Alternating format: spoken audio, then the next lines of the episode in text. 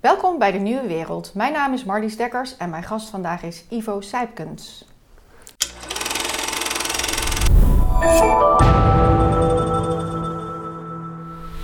Dag Marlies, leuk om hier te zijn. Ik heb in Leiden gestudeerd in de jaren 80. Heerlijk om weer uh, rond te lopen hier op het Rapenburg. Je hebt even de tijd genomen, even een rondje gedaan. Ja, en straks ook. Heerlijk. Jij bent uh, internist bij de Haaglanden Medisch Centrum. Correct. En, uh, ik heb uh, ja, tot nu toe een mooie carrière. Ik ben aan de, mijn laatste tien jaar begonnen. De eerste tien jaar is natuurlijk educatie, ook dus hier in Leiden, een opleiding in, in uh, het RUMC en, en, en daarna een academische periode. En ik volg, zeg ik altijd, de omgekeerde weg van de patiënt. Hè. Dat, dat was ook echt een lijn. Vanuit de nierziekte eerst transplantatie, promotieonderzoek uh, gedaan, met afweer uh, bezig geweest. Dialyse, dan leer je alles van de patiënt met, uh, met nierfalen. En toen mijn hoofdonderwerp was dat stadium daarvoor, chronische nierschade, kwamen nieuwe richtlijnen voor. Dus vooral met educatie bezig gehouden. En toen kwam er in 2008 een moment dat ik over kon stappen naar het Bronnevo ziekenhuis, omdat ze ook een opleider nodig hadden. En uh, nou, daar heb ik uh, hele mooie jaren gehad en de hypertensiepolie uh, opgericht. Nou, en dan kom je gaandeweg ook in aanraking met de diabetes, hart- en vaatziekten. Daar gaan we het straks over hebben. En is het wel telkens het idee van, nou, hoe kan je nou dat eindstadium van transplantatie en dialyse, nierschade voorkomen door eerder in te grijpen? En ik dacht altijd van nou, dat uh, moet je met medicijnen doen. Uh, eerder screenen en eerder uh, behandelen. En ik voel me ook echt nog steeds een echte medicijnman. Hè. Dan ben je een soort ja, meesterkok om met al die middelen te, te, te, werken en een mooi, letterlijk een mooi recept van te maken. Dus nou, daar ga ik graag straks verder even op door. En ja, bij dit soort verhalen hoort ook de persoonlijke uh, kant, hè, dus de wellness journey heet dat dan. Hè. Hoe is het dan gegaan met uh, je gezondheid? Hè, want dat is ook wel bepalend van hoe je nu uh, handelt. Nou, en, en ja, prachtige opvoeding gehad in, in, Brabant en in, in, in de buurt van Haarlem. En met heel heerlijk veel voetballen. En nou, we gaan het over voeding hebben. Hè, dus ik herinner me nog, hè, dat is het ontbijt dat moest dan eerst een gezonde keuze zijn, dat was dan een boterham met pindakaas. En dan mocht het een ongezonde keuze zijn, dat was een boterham met hagelslag. En daar was ik al min of meer verslaafd aan in die tijd. Bij allemaal. Heerlijk. En, uh, en nou, later gingen ze het op elkaar doen, pindakaas met de hagelslag Ja, dat heb ik nooit gedaan. Dat is een generatie na jou is dat gaan doen. Maar na het voetballen kregen we heerlijk thee met, uh, met speculaas. Dus dat is al, uh, ja, dan, dan dat is dan ook uh, wat je veel, uh, veel eet. En in de studententijd bekende bier, bitterballen, studentenellebogen, de macaroni. En dan in het werkzame leven daarna ja, gezin, volle, volle maaltijden. Ja, dan word je toch geleidelijk aan wat zwaarder. Zo, toen ik 40 was, was ik meer dan 100, 100 kilo. En dan denk je, nou, we gaan hardlopen, hè, dus dat is de beste reflex. En 10 kilo eraf. En dan denk je, nou, dit is prima. Totdat ik per toeval ook bij mezelf uh, ontdekte, met een experiment met de assistenten in het ziekenhuis, dat ook mijn nuchtere bloedsuiker te hoog uh, was. En denk, nou, hoe kan het nou als je zoveel sport? En toen ben ik nog meer uh, gaan, gaan sporten en nog wat gezondere dingen gaan eten, met smoothies en dergelijke. Maar dat had maar een, een half succes, totdat ik een boek kreeg van een, van een patiënt, The Art and Science of Low Carbohydrate Living. En die patiënt was daar eerst 10 en toen 20 kilogram afgevallen en een gunstig beloop op, op de ziekte. En uh, dus ik dacht al, nou, daar ga ik me in verdiepen. Ik heb dat boek ook uh, gelezen. Dat was, een, is, was ook werkelijk een andere wereld. En dit is allemaal in 2018. En toen heb ik op gewoon een regulier congres ook het verhaal van Wim Tilburgs uh, gehoord. Hier, die is hier ook geweest? Die is hier geweest, dus de voorzitter van de Stichting Je Leefstijl als Medicijn. En dat was en zo... zelf ook heel veel afgevallen, van, ja, van obesitas en, naar en dat, en dat authentieke verhaal van één persoon. En dan is de reflex natuurlijk van, nou, zoals zij dat doen, is misschien ook nodig voor je eigen gezondheid. En dan ga je daarin uh, uitproberen. En uh, nou, dan heeft dat verrassend positieve effecten. En blijkt ook goed vol te houden en kent her en der wat aanpassingen. En zo kan het dus zijn dat je een, nog een beter gewicht hebt en dat je eigenlijk veel beter voelt dan, dan je 40 bent. Nou, dat is precies zo'n ja, zo'n ervaring. Hè, dat kenmerkt ook heel veel mensen in dit veld. Die denk je, nou, dan, dan, dan wil ik dat eigenlijk ook wel eens zien gebeuren bij meer patiënten. Hè. Nou, en doen is het eh, balletje gaan rollen. Dan ga je er meer naar de preventiekant. Ja, nou dat... Uh, uh, kijk, we, hebben, we hanteren het, het, woord leefstijlgeneeskunde. Maar het gaat, uh, en eigenlijk vind ik vind dat eigenlijk dubbel op. Er is ook wel kritiek op dat term. binnen geneeskunde ja, daar, dat is niet alleen medicijnen, maar daar zit ook uh, die, die, die leefstijlkant al ingebakken. En, en dus, maar dat is niet meer zo vanzelfsprekend geworden. Want al die ziektes die ik op de polykliniek tegenkom, ja, het voorbeeld is dan de hoge bloeddruk. Patiënt met hoge bloeddruk, nou, waar komt dat vandaan? Nou, dat wordt dan essentiële of primaire hypertensie genoemd. Van ja, we weten eigenlijk geen oorzaak, een beetje aanleggen, het ouder worden. Ja, en de rest van je leven uh, pillen. Dus er wel heel veel medicatie nog voorgeschreven bij, bij die mensen. En toen viel het op dat diezelfde groep ook verrassend vaak diabetes had. En ik dacht uh, werkelijk, nou, dat zijn bijwerkingen van de medicijnen. Uh, hydrochlorothiazide, plaspillen, beta-blokkers, kennen die bijwerking. En, nou, en ook die mensen bleken ook ineens hart- en vaatziekten te hebben. Ondanks alle verwoede pogingen om die bloeddruk goed te houden, en bloedsuiker goed te houden, kregen veel mensen toch ook die aandoeningen en, en nog meer. En dan zie je ineens van, hé, hey, dit gaat bij elkaar uh, uh, komen. En ja, de geneeskunde is zo onderverdeeld in hokjes. Gespecialiseerd. Bij, bij een hartinfarct komt bij de cardioloog, een beroerte bij de neuroloog, nou, de hypertensie dan bij de, bij de internist. Nou, de diabetes bij de, dan uh, ja, nog weer de endocrinoloog. En, dat is, en in feite worden al die ziektebeelden apart behandeld met een heleboel medicijnen. En ik zei net, ik ben medicijnman en ik, en ik had ja, onderaan uh, je status maak je dan een diagnoselijst. Wat me in de loop der jaren is opgevallen, dus ik ben ja, 30 jaar ooggetuige van wat er uh, gebeurt in de spreekkamer. Dus dat steeds meer mensen meer van die aandoeningen kregen. En waar je steeds meer medicijnen voor nodig hebt. En met een, een, zeg maar een half resultaat. Dus het was, en veel bijwerkingen. En een bijwerkingen kunnen ook voorkomen. Daar kun je dan mee omgaan. Je hebt heel veel keuze in die geneesmiddelen. Maar toch, um, ja, dat inzicht van nou, dat die ziektebeelden bij elkaar horen. Dat het niet sequentieel is. want dat is een ander voorbeeld. zo wordt vaak gedacht. dus je, je, je wordt ouder, je gaat wat meer eten en wat meer minder bewegen. Je wordt te zwaar en door dat overgewicht krijg je diabetes en dan gaan de suikers omhoog. En door die hoge suikers krijg je dan hart, hart- en vaatziekten. Dus, dus en de, nou, dat lijkt heel erg lineair te zijn.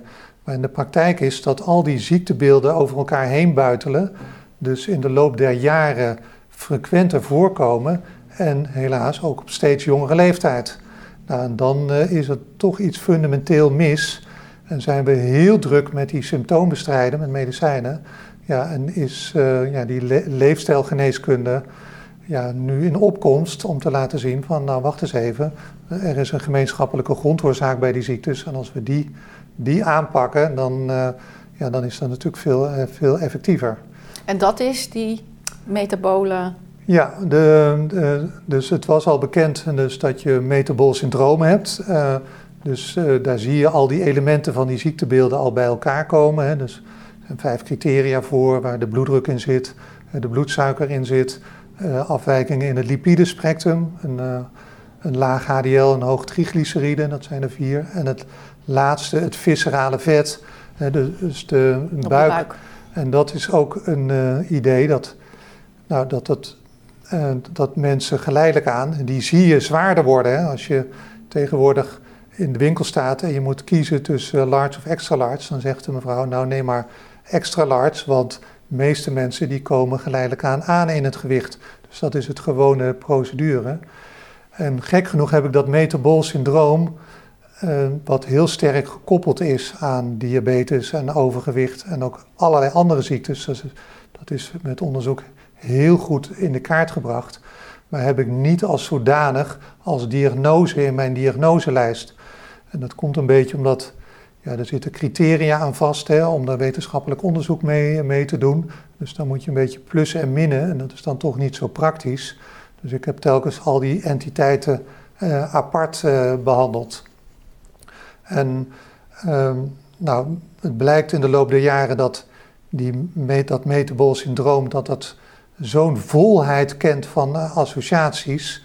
dus met de maligniteit, de dementie, maar ook ziektebeelden als PCOS. nou, en wellicht ook prostaathypertrofie. Met, nou, alles is eigenlijk terug te voeren op dat metabol syndroom. En ja, internationaal is er nu ja, een pleidooi, en daar wil ik graag uh, vorm en inhoud aan geven, om het meer metabole dysfunctie te noemen, zodat het een, een ja, beter herkenbaar is. En dan vanuit die metabole dysfunctie die herkenning naar de oorzaken gaan, om dat dan beter te behandelen. Maar wat is de oorzaak van dat metabole ja, disbalans? Ja, dat is. Syndroom? Dus de, de, het ouderwetse denken eh, is heel sterk van nou, het zit in de familie. Hè? Ja, ik heb het toevallig ook nog eens even gegoogeld ter voorbereiding. Je ziet alleen eigenlijk vooral de eerste paar pagina's op Google is allemaal, het is eh, gerelateerd in de familie, het, zit in het DNA. Ja. Niets dus vanaf dat je het zelf kan sturen. Ja, en dat is ook heel uh, begrijpelijk, hè, want het komt ook meer voor in de families. En logisch dat mensen ook dat denken. Maar dan krijg je een soort ja, uh, lotprobleem. Uh, dus dat ja, je kan er niks aan doen en er is ook niks aan te voorkomen. En we hebben genetica en epigenetica. voor het metabol syndroom bijvoorbeeld is niet een hard gendefect gevonden. Van nou, dit, dit is het gen waar je alles door kan, kan verklaren. dus we hebben epigenetica.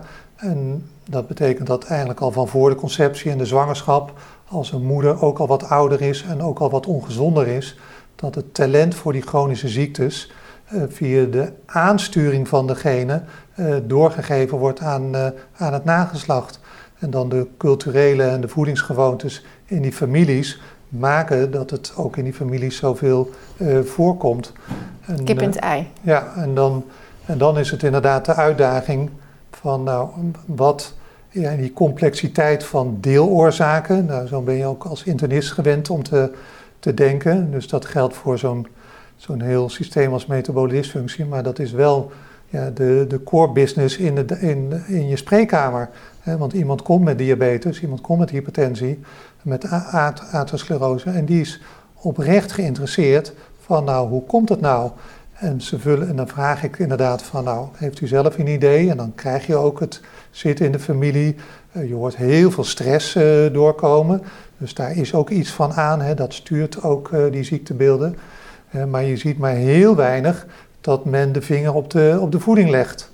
want dat nog iets omdraaien. Dat, dus dat, er is veel meer veranderd dan alleen de voeding. Dus als je het van de andere kant bekijkt, hebben we een omgeving die heel anders is geworden. Waarbij we meer fijnstof hebben, meer luchtvervuiling, uh, meer bestrijdingsmiddelen die in de voeding komen. Dus dat geeft al een soort belasting van het systeem.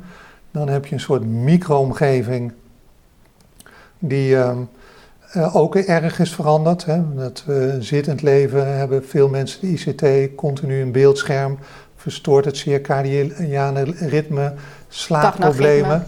Hoeveel mensen niet bij, met moeheid komen bij de internist. En bij de eerste vraag van nou, hoe slaapt u? Dan loop je al vast, uh, loop je al tegen problemen aan. En dan, en dan zie je dus dat het ook een rol speelt. Dus de stress in het leven genoemd. Nou, ook uh, ja, met corona, maar ook issues in de familie, schuldenlasten, ongelijkheid. Uh, het leven is voor veel mensen helemaal niet makkelijk. Nou, en in die context ja, worden voedingskeuzes steeds relevanter. En als die voedingskeuzes dan ook nog uh, um, ja, moeilijk uitpakken, terwijl de mensen dat eigenlijk niet goed weten, omdat het van jongs af aan zo gaat. En moeilijk uitpakken, dat is vooral makkelijk eten? De, ja, de kern, en waar, daar is ook iedereen over eens, hè, dus een, een, toename van bewerkt voedsel, gemakt voedsel. Uh, je hebt al soms dat je, mensen helemaal geen uh, keuken meer hebben, omdat ze alles uh, halen ze uit kant en klaar. Nou, heel LA heeft geloof ik geen keuken, ja. dus dat is... Dus, um, ik geloof dat we in Nederland nog redelijk veel, veel mensen met een keuken hebben, maar inderdaad dat je weet dat je moet koken en dat je gewoon los de spinazie, het vlees. En dat je die, al die losse elementen maakt. Ja, en, wat, en wat is nou het probleem van het bewerkte voedsel? Want het is eigenlijk heel knap van de voedingsindustrie dat ze voeding maken die graag gegeten worden, die ook goed energie uh, uh, levert. Uh, maar het probleem is, het is zo lekker gemaakt dat het een soort verslavingsfenomeen is. En hoe jonger de, de mensen zijn, hoe, hoe sterker ik die verslavingscomponent zie. Ja, en dan krijg je toch een, een relatie met voeding, dat er een soort afhankelijkheid uh, ontstaat. Toch een beetje als roken. Dan met... komt het heel dicht in de buurt uh, bij het roken. Ja. Maar bij roken is dat heel echt expliciet bekend, dit is verslaving. En omdat met bewerkte voeding dat dat van jongs af aan gaat, dan zie je dat veel meer, dat dat in het on onbewuste zo is. En dan is er geen ver, verslavingsbeleving, maar dan is het uh, eigenlijk een gewoonte geworden. Dus de gewoontes, wij zijn ook heel goed in gewoontes. En, nou, en ook, ook de, wat je hoort, hè, je moet een ontbijt eten, je moet zes keer per dag eten om de motor brandende te houden. Hè, dus, en als je actief bent mag je allemaal wat meer gebruiken. Het wordt heel erg kwantitatief gezien op voeding en heel erg gericht op energie.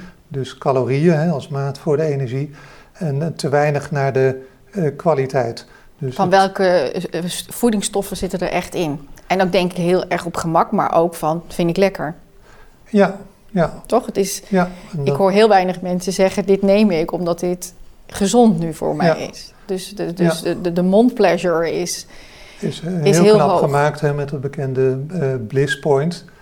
En, uh, nou, en ik vind het dus een taak om, om inzicht te geven van... Ja, ja, wat gebeurt er dan met je lichaam als je op deze manier eh, je voeding doet? Hè? Dus ik heb het ja, bij mezelf al gemerkt, hè? Dus dat je ondanks sporten, dat als je op deze manier eet, dat je vroeg of laat, de een zus, de ander zo, de, uh, dat je dan toch tegen een probleem aan kan lopen.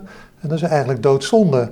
Dat is helemaal niet logisch dat als je, dat je moet wachten, en de diabetes is een groot voorbeeld, en dus dan pas als die bloedsuikers omhoog gaan, daar lopen de mensen vaak tegen te, uh, tegenaan met een bloedtest. Ja, u heeft diabetes. En dan pas begint, men, begint de symptoombestrijding. Terwijl het onderliggende ontregeling, die metabole dysfunctie, al van vaak al tegenwoordig kindsleeftijd uh, uh, dat dat beschikbaar is. Dus als kinderen ook al te zwaar worden, dan weet je al dat het, dat het aan het ontregelen is dan, dan, zie je bij kinderen al leververvetting. Ik zie in de Haagse binnenstad uh, ook uh, jongvolwassenen met de diagnose diabetes en overgewicht. Het is natuurlijk dramatisch. Wat vroeger een ouderdomsziekte is, is nu een ziektebeeld wat op jonge leeftijd al, al, al plaatsvindt.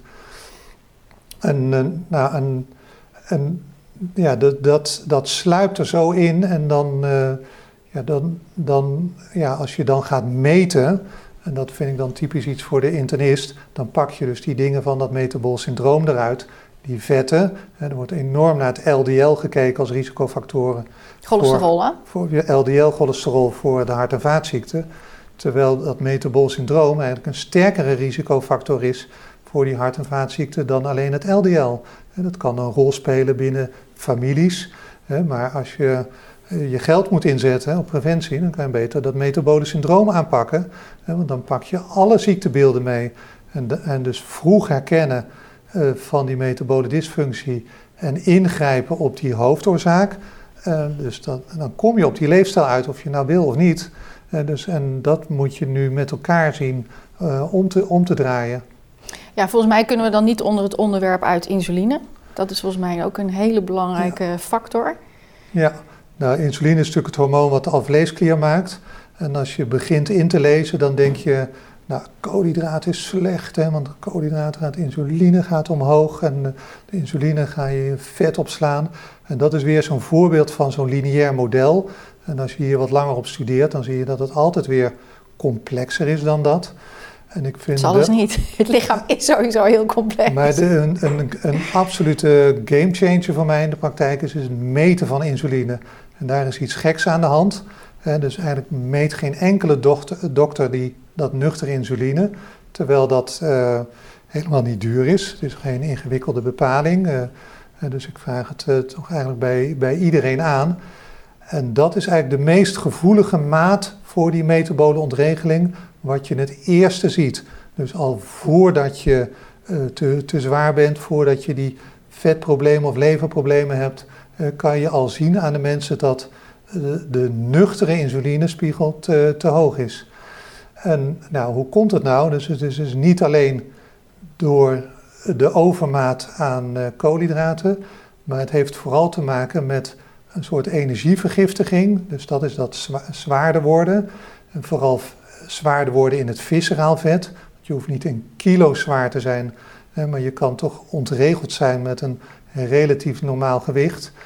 En dan, ja, dat insuline is er niet voor niets vanuit de evolutie. Denk aan de herfst waar we nu in zitten. Vroeger eh, waren dan eh, eh, alle prachtige vruchten, fruit beschikbaar. En dat, ja, net als een beer, werd dat goed gegeten en je kwam goed aan. En ja, die insuline was dan nodig om die vetmassa goed te beschermen, zodat je daar een hele winter plezier van kan hebben. Alleen ja, die winter en die schaarste komt niet. Het is continu herfst met zoete dingen. Dus we blijven maar in die opbouw. En, en dan krijg je dus dat die insulinespiegel hoger, hoger, hoger wordt. En ik vind dat dat een fenomeen als je hiermee bezig bent. Dat het heel veel oude kennis is die door mensen over de hele wereld uh, op, opgezocht is en weer tegen het nieuwe licht uh, ge, uh, bekeken wordt. En dan is dat allemaal informatie die al bekend is. Dus dat van jongs af aan die insulinespiegel bij de meeste mensen aan het uh, toenemen is. En dan is insuline op zichzelf kan schade geven, uh, samen met glucose aan bloedvaten. En het is een soort groeifactor. Ik had bijvoorbeeld nou, in die fase van die prediabetes ineens een bult op mijn hoofd. Ja, dat is dan een, een lipoom. Nou, dat heb ik weg laten halen, was goed aardig.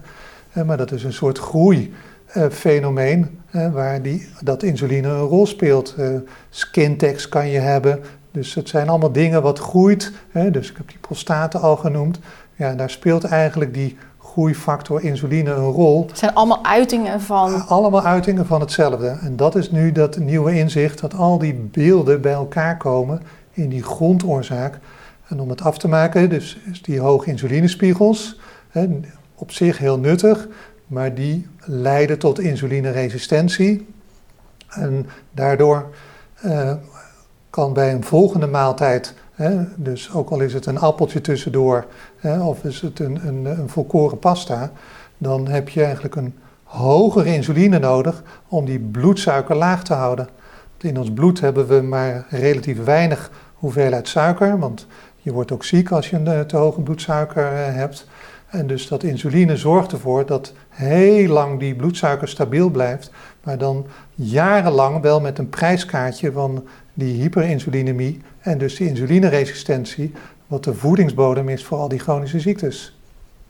Jij zegt, uh, het is te simpel gedacht van uh, die, die, die insulineproblematiek of insulineresistentie, die komt, die komt uh, door koolhydraten. Jij zegt, zo simpel is het niet.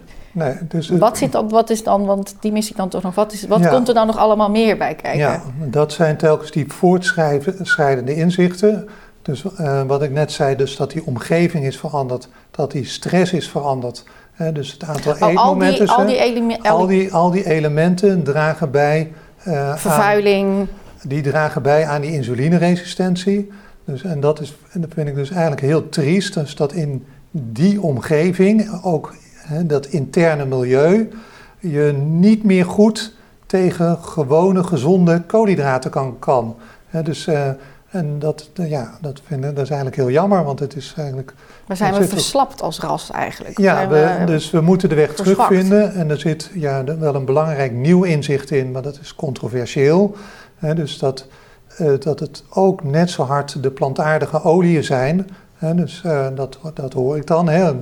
Dus dat ook die plantaardige oliën bijdragen aan die insulineresistentie, omdat er dat geleidelijk aan, door die stapeling van het bewerkte voedsel, eh, de onverzadigde vetten met een hoog linolzuurgehalte, nou, denk aan zonnebloemolie, uh, ja, sojaolie, raapzaadolie, en dat zit eigenlijk in al die bewerkte voeding. Dus een klein beetje heb je nodig als mens, maar een overmaat draagt bij aan die insulineresistent en die cellulaire schade. En de perfecte storm is nou net die combinatie. Dus als je uh, een overmaat aan de verkeerde vetten in het lichaam krijgt, dan krijg je die vetstapeling en die energievergiftiging, die vindt dan versneld al plaats. En, ja, en als daar bovenop dan ook nog die suikers komen, hè, dan heb je een combinatie van factoren. Maar dan komen we toch ook weer op die bewerkte voeding, die altijd iets van suikers of tarwemeel en die plantaardige voeding bevat. Dus en, ja, dan, die, die plantaardige vetten, dat is... Dat is die plantaardige vetten, terwijl we ja, groot geworden zijn, ik ook, en dat uh, vooral verzadigd vet uh, slecht is. En, als, en dat het ligt zo genuanceerd, want wij zijn zo zwart-wit in ons denken, van verzadigd vet is slecht en onverzadigd is goed. dus zeker als het plantaardig is, dan moet het wel goed zijn. maar je kan beter een onderscheid maken in bewerkt en onbewerkt. En dan is het toch gek als een stukje vlees of vis of een ei, daar zitten verzadigde en onverzadigde vetten in, dat ineens de verzadigde vetten uit een stukje vlees slecht is en een onverzadigde vetten dat het dan eens goed is. Dat is al een beetje idioot, hè? dat gaat tegen het gezonde verstand uh, in. Maar er is een hele grote industrie opgebouwd. Nou ja, dus vanuit ook de richtlijnen, ja. want het, het, is begonnen 50, 60 jaar geleden met richtlijnen uit Amerika. En dan is dit een aanname geweest dat verzadigd vet slecht is, dat het direct uh, het cholesterol verhoogt. En hoog cholesterol vanuit de voeding werd altijd gedacht dat uh, doet de, de, de aders dichtslibben. En zelfs veel artsen denken ook nog steeds op die manier. Terwijl die, al die mensen die daar onderzoeken naar hebben gedaan, die laten zien van hé, hey, dit, is een, dit is een hypothese. En inmiddels is die al lang en breed getoetst en nooit goed bevestigd. Dus daar is het een soort makken in. Maar inmiddels zit het wel in de richtlijnen. En dan is het ja, een soort ladder die opgelopen is. En het is heel moeilijk om van die ladder af te stappen en het opnieuw weer op te bouwen. En dan nog eh, ook eh, ja, verzadigde vetten. Elke overmaat in een context van waarin we nu leven draagt bij aan die energievergiftiging. Dus dan kan het voor een individu kan het te veel zijn. Maar als je een voedingsverandering, daar gaan we het denk ik nu over hebben, uh, gaat, gaat aangaan, dan wordt de context van de voeding gemaakt, waardoor je weer ruimte gaat krijgen voor de verzadigde vetten uit een stukje vlees of vis. Nou, en, en, en, daar voel je je gezonder mee en je bent meer verzadigd, zodat je minder trek hebt in de bewerkte voeding en dat je ook minder maaltijden en minder calorieën nodig hebt per dag. In plaats dus van zes of acht maaltijden. Dat is die omdraaiing. En... Maar voor we daar echt naartoe gaan, wil ik toch nog, ook nog even wat je kort aan, uh, aanstipt, dat uh, dag-nachtritme. Uh, dat is toch ook een heel belangrijk iets. En het, dat je buiten komt, daglicht, vitamine D. Ja. Volgens mij speelt die toch ook een hele grote rol. ja, dat is, dat is een van die factoren. Dus ik heb ook zelf onderzoek gedaan naar vitamine D. En dat is ook een heel mooi voorbeeld. En het speelt nu, nu ook hè, met, met corona. Dus ook, uh, en het is eigenlijk bijna een parallel met, met de koolhydraten. Want we gingen tien jaar geleden, en ik was ook een van de eerste die dat ging doen. Uh, dan vol enthousiaste ga je erin, maar ik heb er ook veel van geleerd. Dus dan zie je dat bij een groot deel van de mensen een vitamine D tekort is. Je kan het makkelijk meten. En dan is ook heel logisch, dat zie je in de winter uh, uitvergroot worden. Je ziet het bij mensen met een donkere huidskleur. Hè. Het zijn allemaal no-brainers. Je ziet mensen met overgewicht, hè. vet oplosbaar vitamine. Dan wordt het uh, hoog, te laag. En dan zie je heel veel epidemiologische studies die laten zien van... hé, hey, vitamine D tekort is eigenlijk aan al die ziektes die we net opnoemden ook gelieerd. Dus dan is het heel verleidelijk. Ja, we hebben het. Het is het vitamine D tekort. En vervolgens zijn er allemaal studies gedaan om vitamine D eh, te geven. En het resultaat was magertjes. Nou, en hoe komt dat nou? Dus uh, vitamine D is nog steeds belangrijk. Je moet het zien als een hormoon en niet alleen maar als een vitamine. Maar het gaat erom, wat is de oorzaak van dat vitamine D tekort? Dus het is elke keer dat stapje verder. En dan kom je weer bij die metabole dysfunctie terecht. Ik noem dat overgewicht, hyperinsulinemie. Nou, in die context wordt er minder vitamine D aangemaakt. Dus is vitamine D tekort ook een marker voor die metabole dysfunctie, hè, waar die ehm, bewerkte voeding aan ten grondslag ligt. Ja, en als je dan alleen vitamine D gaat aanvullen en de rest pak je niet aan, ja, dan zie je al dat je maar een half resultaat krijgt. Dus net als die insuline in de ochtend, is dit ook eigenlijk een marker voor... Een marker, ja. ja. Dus, maar wel een, een wake-up call om het anders te gaan doen. En een geweldige kans. En, en om het vroeg te ontdekken. Als daar, de, ja, als daar de gezondheidszorg meer op ingericht gaat worden, ja, dan, is het, ja, dan, dan zie je dat er maar heel weinig mensen metabol gezond uh, zijn. Ja, dat wou ik zeggen. hoeveel. Nou, in Amerika is een studie die altijd aangehaald wordt. En dan pakken ze die criteria van het metabol syndroom. En uh, eh, 88% had één of meer uh, van die problemen. Dus 12% was metabol gezond. En ik meet bij iedereen, hè, ik noem het maar op, ik heb een metabole bril op. En dan kijk je op een bepaalde manier. En dan, uh, dan zie je dat, uh, dat inderdaad het merendeel, een stuk een selectie van mensen die bij, bij mij komen, komen. metabole poli, dat er maar heel weinig mensen zijn die, uh, die op alles een, een, een, een, een vinkje scoren.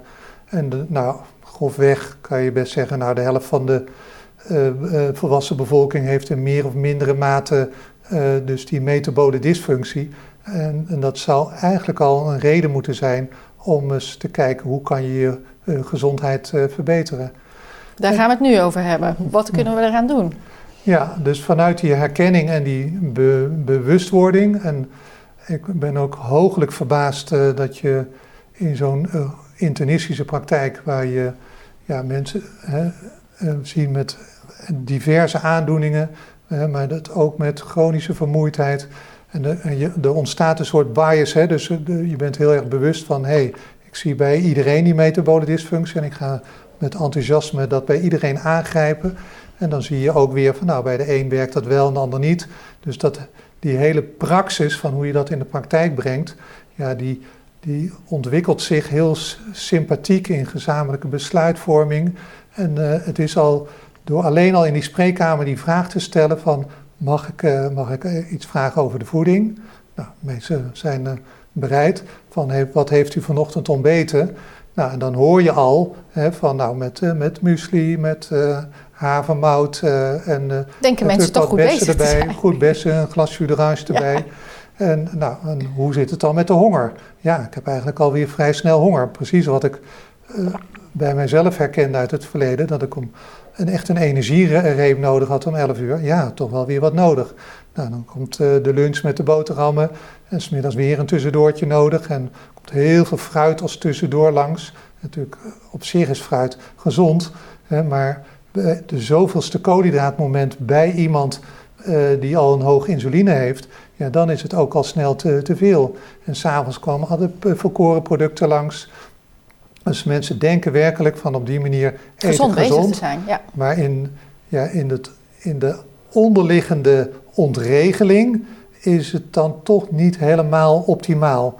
En dan kan je dus op verschillende manieren een ingang nemen, afhankelijk van de persoon. dus, uh, uh, en de, de huidige ja, werkwijze bij de diëtisten is vaak van nou, we gaan het een beetje minder doen. Hè. De, de HMV werd vroeger gezegd, uh, de, de helft. helft minder vreten. Ja. Dus alles met mate. Nou, dus de, dan werd het weer kwantitatief ingevuld. En de diëtisten zeggen vaak van, nou, eet dan rijst, maar doe dan een schepje minder. Maar dat gaat dus, en een boterham, gaan niet drie boterhammen, maar twee boterhammen. Maar iedereen weet hoe moeilijk dat is om je te beperken. En je blijft dat hongergevoel Je houdt het hongergevoel en het is ontzettend lekker en het nodigt uit tot meer. En je hebt tijdens het eten niet zo snel die verzadiging. Dus dat is niet een effectieve strategie. Mensen hebben, je moet ingaan op de relatie die mensen met voeding hebben. want er zit heel veel stress in, het, eh, in de mensheid. Eh, nou, en als er heel veel emoties is, er is geen goed steunapparaat, er is geen goede zingeving op een dag. Nou, dan, dan zie je al dat, uh, dat gemaksvoedsel inderdaad troost kan bieden. Nou, en als je dat niet adresseert, ja, dan gaat zo'n boodschap van nou, ja, laat het brood maar weg, dat gaat, gaat ook niet goed werken. Dus het is nogal een maatwerk. En zeker als mensen ook medicijnen hebben, dan vind ik ook echt dat de dokter daar een taak in heeft om dat goed te begeleiden. Maar je moet dus veel kennis daar ook van je hebben. Je moet veel kennis je hebben. Je hebt er heel veel gestudeerd op, dus dat, je moet er echt veel van weten. Ja, en dat, uh, dat um, is natuurlijk hè, bekende dat dat niet voldoende in de opleiding zit. En zeker de nieuwe inzichten, die zitten daar ook nog onvoldoende in. Wordt allemaal wel aan gewerkt, maar dat is heel langzaam. En wat je nu ziet aan fenomeen is dat mensen onafhankelijk van hun dokter, eh, dat ze hun weg vinden eh, naar eh, hulp. En dan vind ik zo'n stichting, Je leeft als medicijn, eh, die biedt die kennis aan de mensen en ook support met Facebookgroepen om mensen... En heel praktisch, hè? Heel dus, praktisch. Niet, uh, je hoeft niet hoogleraar te zijn. Dat je dus... Nee, en de mensen gaan zelf aan de slag. En het gaat in de, in, de, in de families. En zo ja, in Den Haag drie jaar geleden begonnen en nu ja, via mond-op-mond eh, reclame. En daarom heet het een grassroots movement. Dus dat je van, en, en via die patiënten leren hun huisartsen weer van hé, hey, dit werkt toch eigenlijk wel, dan hoef ik niet zo bang voor te zijn, de veiligheid is geborgd. En zo gaat het eigenlijk al een beetje vanzelf. Maar het zou mooi zijn als de, de artsen dat ook een beetje ondersteunen. Ja, net zoals ik noem, ik, ik noem het een hybride model. Hè, dus dat je toch meer inzet op die leefstijl. Mensen eh, die kennis geeft. Nou, ik heb eigen diëtistes die op uh, deze manier invulling aan geven. Verpleegkundig specialist die fantastisch werk doen. Zo horen ze het van al die zorgverleners net op een andere manier. Nou, dat is iets waarvan je het resultaat dan ziet in de spreekkamer. Hè. Dan vliegen de kilo's eraf. Maar dan nog is het niet makkelijk. Nee, het is zeker niet makkelijk, want ik weet nog wel, uh, ik had zelf precies hetzelfde moment. Jij noemde in je eigen leven het verhaal van, uh, ik uh, ging veel sporten, veel rennen.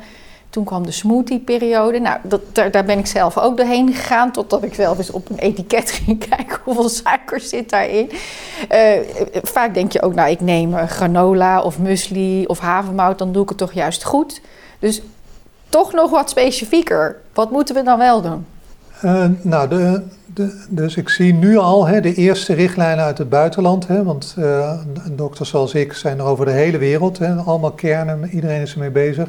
En dan zie je dat is echt zo, dat is echt nu, in Amerika nu zie ik, ook zag veel, ik voor ja. het eerst van de week uh, reverse diabetes, MD. nou, eerste stap is het weglaten van voeding met die plantaardige oliën. Nou, dat heb ik nog nooit eerder gezien. En op nummer 1? De, op nummer 1. Hè, en dan begint er al, uh, dan haal heel je al heel vallen. veel informatie eraf.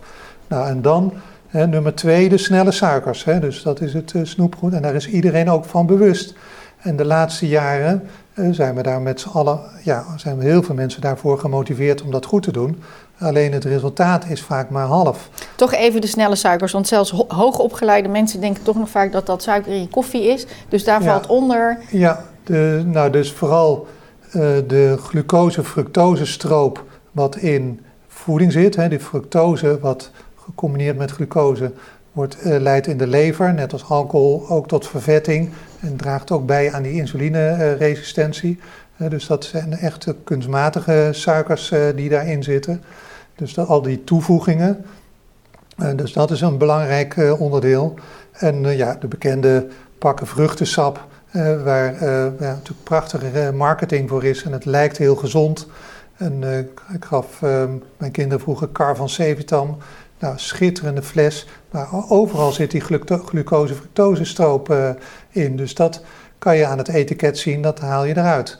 Maar als je verder op die metabole dysfunctie eh, zit, dan is dat vaak ook niet genoeg. En dan zul je voor die transitie naar een betere verbranding zul je ook uh, aan de zetmelen moeten. En dan kom je op de graanproducten, brood, rijst, aardappelen, pasta uit. en dan gaan bij mensen natuurlijk heel veel error. Zo van ja, hoe moet ik dan nog eten? Ja, het komt niet aan de boterham hè, van de Nederlander. En het leuke, ik heb vanochtend had ik een patiënt die uh, diabetes had en die was heel blij met zijn sensor. En die zei mij, daarmee kan je meten. En die zei van, nou, ik, ik, heb het inderdaad zelf gemeten, een koolhydraatarme boterham. Dus ik hoop dat ook bakkers gewoon veel meer dat in de schappen gaan leggen. Daar gaan mijn bloedsuiker niet van, ho van omhoog. En uh, ja, ik ben er toch van geschrokken. die twee bolletjes, daar vloog het de lucht in. En ja, ook de volkoren producten, ja, ik heb toch wel hoge bloedsuikers daarvan. Dus het meten van die bloedsuiker eh, wat ook bij niet-diabetes mensen goed mogelijk is.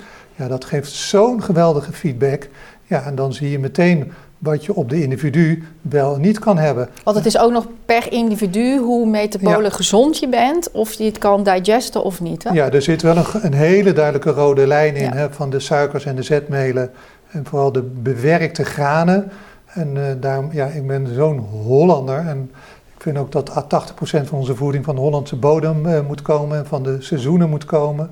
Uh, dus neem, neem een aardappel, nou, die kan je resistent maken door hem een dag van tevoren te koken. En dan veranderen de, de, de, de, de koolhydraten, zetmeelzet iets meer in vezels omgezet. Nou, en als je dat in een mooie uh, stampot uh, verwerkt, waarbij je ook bloemkool uh, gebruikt of knolselderij gebruikt, ja, dan zitten daar op zich wel wat koolhydraten in. Maar ja, samen met een stukje vlees in die context van een mooie Hollandse maaltijd ja, geeft dat minder, eh, minder belasting. Dus daarom is het helemaal niet zo dogmatisch. Maar voor de eerste periode, um, om echt uh, mee te maken wat er gebeurt, ja, dat, dan raad ik aan. Hè, dus van probeer het dus wat strikter uit, hè, in alle vrijheid, om eens te ervaren of je niet een betere versie van jezelf tegenkomt. Want dat is de mooie bijvangst. Je haalt niet alleen de, de toxische producten die bijdragen aan te veel energie, dat haal je weg. Maar je krijgt er iets voor de plaats. En dat is de wilde van de, van de vetverbranding. En daar wordt heel moeilijk over gedaan. Hè. Dan kom je op het woord keto. En ik mag, ja, het woord keto, het K-woord zeggen we al, kan je beter niet gebruiken. Want wij, wij hebben zo'n poldernatuur. Hè. Dus uh, alles wat te extreem is, dat, uh, is, dat is, is, is, verdachtig. En ik gebruik het ook helemaal niet in de spreekkamer. Ik zeg volwaardige voeding. Je eet zodanig dat je verzadigd bent, 80% verzadigd. Je wordt wakker en je hebt geen honger. Waarom zou je dan in godsnaam eten? Neem lekker uh, koffie zonder suiker of thee. Of wat ik zelf doe, een glas water met citroensap, appelazijn en wat zout erin. Nou, dan weet ik dat ik daar prima een ochtend op kan, kan werken. En uh, soms in de, in, bij de lunch en soms ook s'avonds. En dan komt er weer een mooie volle maaltijd aan. Dus van nature komt het intermittent fasting, de time restricted eating erbij.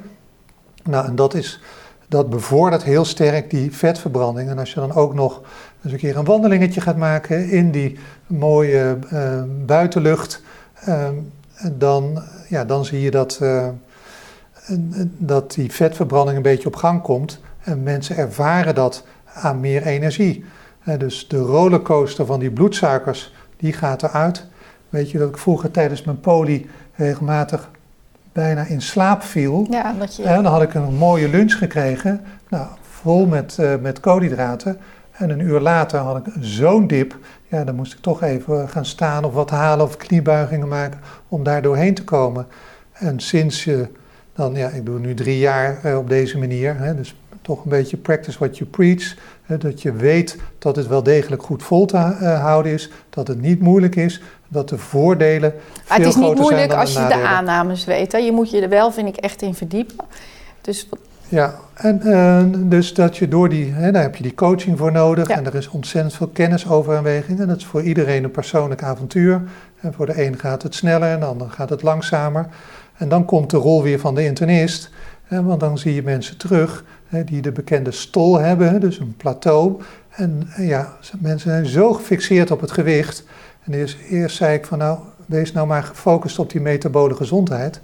Maar ik zie nu ook, en dat leer ik ook uit die community, van nou, uh, laat ze maar goed op dat gewicht leiden, want dat is toch een mooie maat. En de, de diëtisten die zetten mensen op de weegschaal. Ze meten het viscerale vet en ze meten de, de spiermassa. Kijken of die spiermassa omhoog gaat. En dat is ook belangrijk, hè, die dat spiermassa. Het, dat het buikvet naar beneden gaat. En dan, nou ja, dan zie je dat mensen wel gezonder worden. En ook dat het gewicht nog een beetje achterblijft. En het heeft eh, echt meer tijd nodig, afhankelijk van die omstandigheden. Hoeveel van de verkeerde vetten zich hebben opgebouwd in het eigen lichaamsvet. En dat moet als het ware verdreven worden. En dan zie je dat als mensen het maar volhouden, dat het, het uh, goed gaat. Maar ik hoor vaak terug van, nou, ik heb het geprobeerd en ik heb vijf kilo eraf, is al heel mooi eigenlijk. En het stopt. En ja, dan uh, ja, zie je wel, dit werkt ook niet voor mij. Maar het hoort bij het proces. Dus verwachtingmanagement, ja. voorlichting en je helpt ze er doorheen. Heel vaak gaan koolhydraten gaan er weer inkruipen. Mensen gaan denken, en dat is het beeld van keto, dat je onbeperkt vetten kan nemen. Nou, in die eerste fase is dat nuttig maar daarna om op die vetverbranding. Bij, ja. Maar dat is ook heel snel te veel. Ja. En dan houdt het het afvallen tegen. Nou, en zo kan je per individu kan je coaching geven. En tegenwoordig zijn er ook nieuwe mooie geneesmiddelen als een uh, soort nudge. En dat, hè, dat, dat helpt de honger ook een beetje onderdrukken voor mensen die maar half, hè, ook vanuit de omstandigheden, half succes hebben. Dan kan je ook met ondersteunende geneesmiddelen werken. En waar zit jij dan aan te denken? Nou, de nieuwe diabetesmiddelen die zijn nu erg in opkomst en die worden ook uitgewerkt voor obesitas. En die werken omdat het zo goed de honger onderdrukt. Oké. En dit is weer typisch symptoombestrijding. Ja. Want je kan beter weer nagaan wat is de oorzaak van die honger. Komt weer op diezelfde oorzaak van de bewerkte voeding uit. Dus je kan beter de bewerkte voeding aanpakken. En dan heb je minder honger en dan heb je eigenlijk zo'n duur middel niet nodig. Ja. Maar jij zei even, uh, acht maaltijden per dag. Het is vrij normaal in de zin met een tussendoortje, een appel, uh, weet je zelf, uh, een glas cola. En eigenlijk moet je komen op 14 maaltijden per week. Nou, er moet niks hier nee, in deze. Maar... En dat is het. Dat, uh, het is zo mooi dat je dit kan overlaten aan de patiënt. Het, het is een ontdekkingsreis. Hoe ga je dat in de families doen? Hè? Daar zit heel veel kracht in. Dat je ook kinderen van mee laat profiteren. Uh, kinderen hebben al soms geen zin om een ontbijt te nemen. Nou, hoeveel ruzies daar niet over zijn. Laat ze alsjeblieft. Hè? Dus, uh, en ze hebben vanzelf weer een natuurlijke honger. En dan, dan, dan, en dan als je dan echte voeding aanbiedt. Dan, dan gedijen ze daar heel goed op. Dus ook voor de geestelijke gezondheid ligt hier een enorme weg open aan, om aan preventie te doen. Want het heeft allemaal met elkaar te, te, maken. En dan, um, ja, dan kan, vind gemiddeld genomen, denk ik dat de mens goed gedijt op twee maaltijden per dag. En daar zit altijd een mooie eiwitbron in. En van nature is dat aangevuld met, met, met wat vet. En dan de koolhydraten, nou, die afhankelijk van je tolerantie voor die koolhydraten, hoe zwaar je in de diabetes zit, ja, dat kan je dan beperken tot één moment per dag hè, aan het eind van een, een avondmaaltijd, hè, met feedback van je, van je bloedsuiker. Uh, je kan het ook vaak voelen en je ziet het aan je visceraal gewicht. Hè. Laat mensen op, hè, bij sportscholen op die manier ook dat viscerale vet goed bijhouden in de loop van hun leven. Niet alleen het gewone gewicht. Zo kan je heel goed tracken wat er, uh, wat er gebeurt. En het heeft ehm, een belangrijk punt. Dus het, eh, kijk, al die leefstijlfactoren die worden een beetje gelijk geschakeld. Hè? Of, of je het nou over roken of inspanning hebt over, of over voeding. Eh, maar toch weer uit studies eh, blijkt dat, dat voeding het bij uitstek wint. En hè, met En, zo- en hoe slecht is roken? Dus kan Ja, je nagaan hoe en slecht dit nou, is. Zo, zoals ik het nu in de praktijk doe, Ja. dan zeg ik, eh, mensen roken. Natuurlijk is dat slecht. En ik vind het een prachtig voorbeeld van de, de, de weerstand in zo'n, eh, van een lichaam. Dat je, dat je zoveel jaren tegen nicotine kan, dat je zoveel jaren tegen glucose en insuline kan. Zoveel ja, beschermingsmechanismen hebben we tegelijk ook aan boord. En als we die nou weer eh, omzetten in herstelmechanismes, dan krijg je een zelfherstellend vermogen. En, eh, en dat is ongelooflijk sterk. Daar kan geen medicijn tegenop. En dat weet je pas als je dat eh, ervaren hebt, als je het ziet in je eigen omgeving. Hè, mijn zus wilde 20 kilo eh, of wilde afvallen. Nou, en die zei, als ik, als ik dit kan, dan kan iedereen het. dus dat vond ik zo'n mooi voorbeeld. Ja, nee, dat, nou, dat, dat, is zeker een mooi en, en nu afrondend, want je noemde het al één keer corona. Dus dat je ook, hè, toch denk ik dat nu veel mensen ook zoiets hebben, ja, weet je, die er bang voor zijn, angstig voor zijn, ehm, het vaccin willen. Maar ik denk toch dat dit ook heel erg het immuunsysteem uh, kan versterken. En dat je ook het gevoel hebt van, ik, ik, mijn lichaam kan wel wat hebben. Nu kunnen mensen, nou, ik heb enorm veel respect voor mensen in de zorg, in eigen ziekenhuis uh, ontzettend hard gewerkt om mensen met corona er doorheen uh, te slepen. Nou, ook met, met therapieën die levensreddend zijn. Maar vervolgens gaan mensen naar huis, ja, leunen op de vaccins. En ja, wat, wat heel hard nodig is, dat mensen op eigen kracht en met behulp van coaches, eerste lijn, maar ook publieksmaatregelen, dat die snappen dat ze in vrij korte tijd hun gezondheid kunnen verbeteren, waardoor ze beschermd zijn tegen een ernstig beloop van de vaccin. Want het vaccin is heel belangrijk en helaas zie, ben ik nu ook weer ooggetuige dat mensen ondanks een vaccin toch opgenomen worden.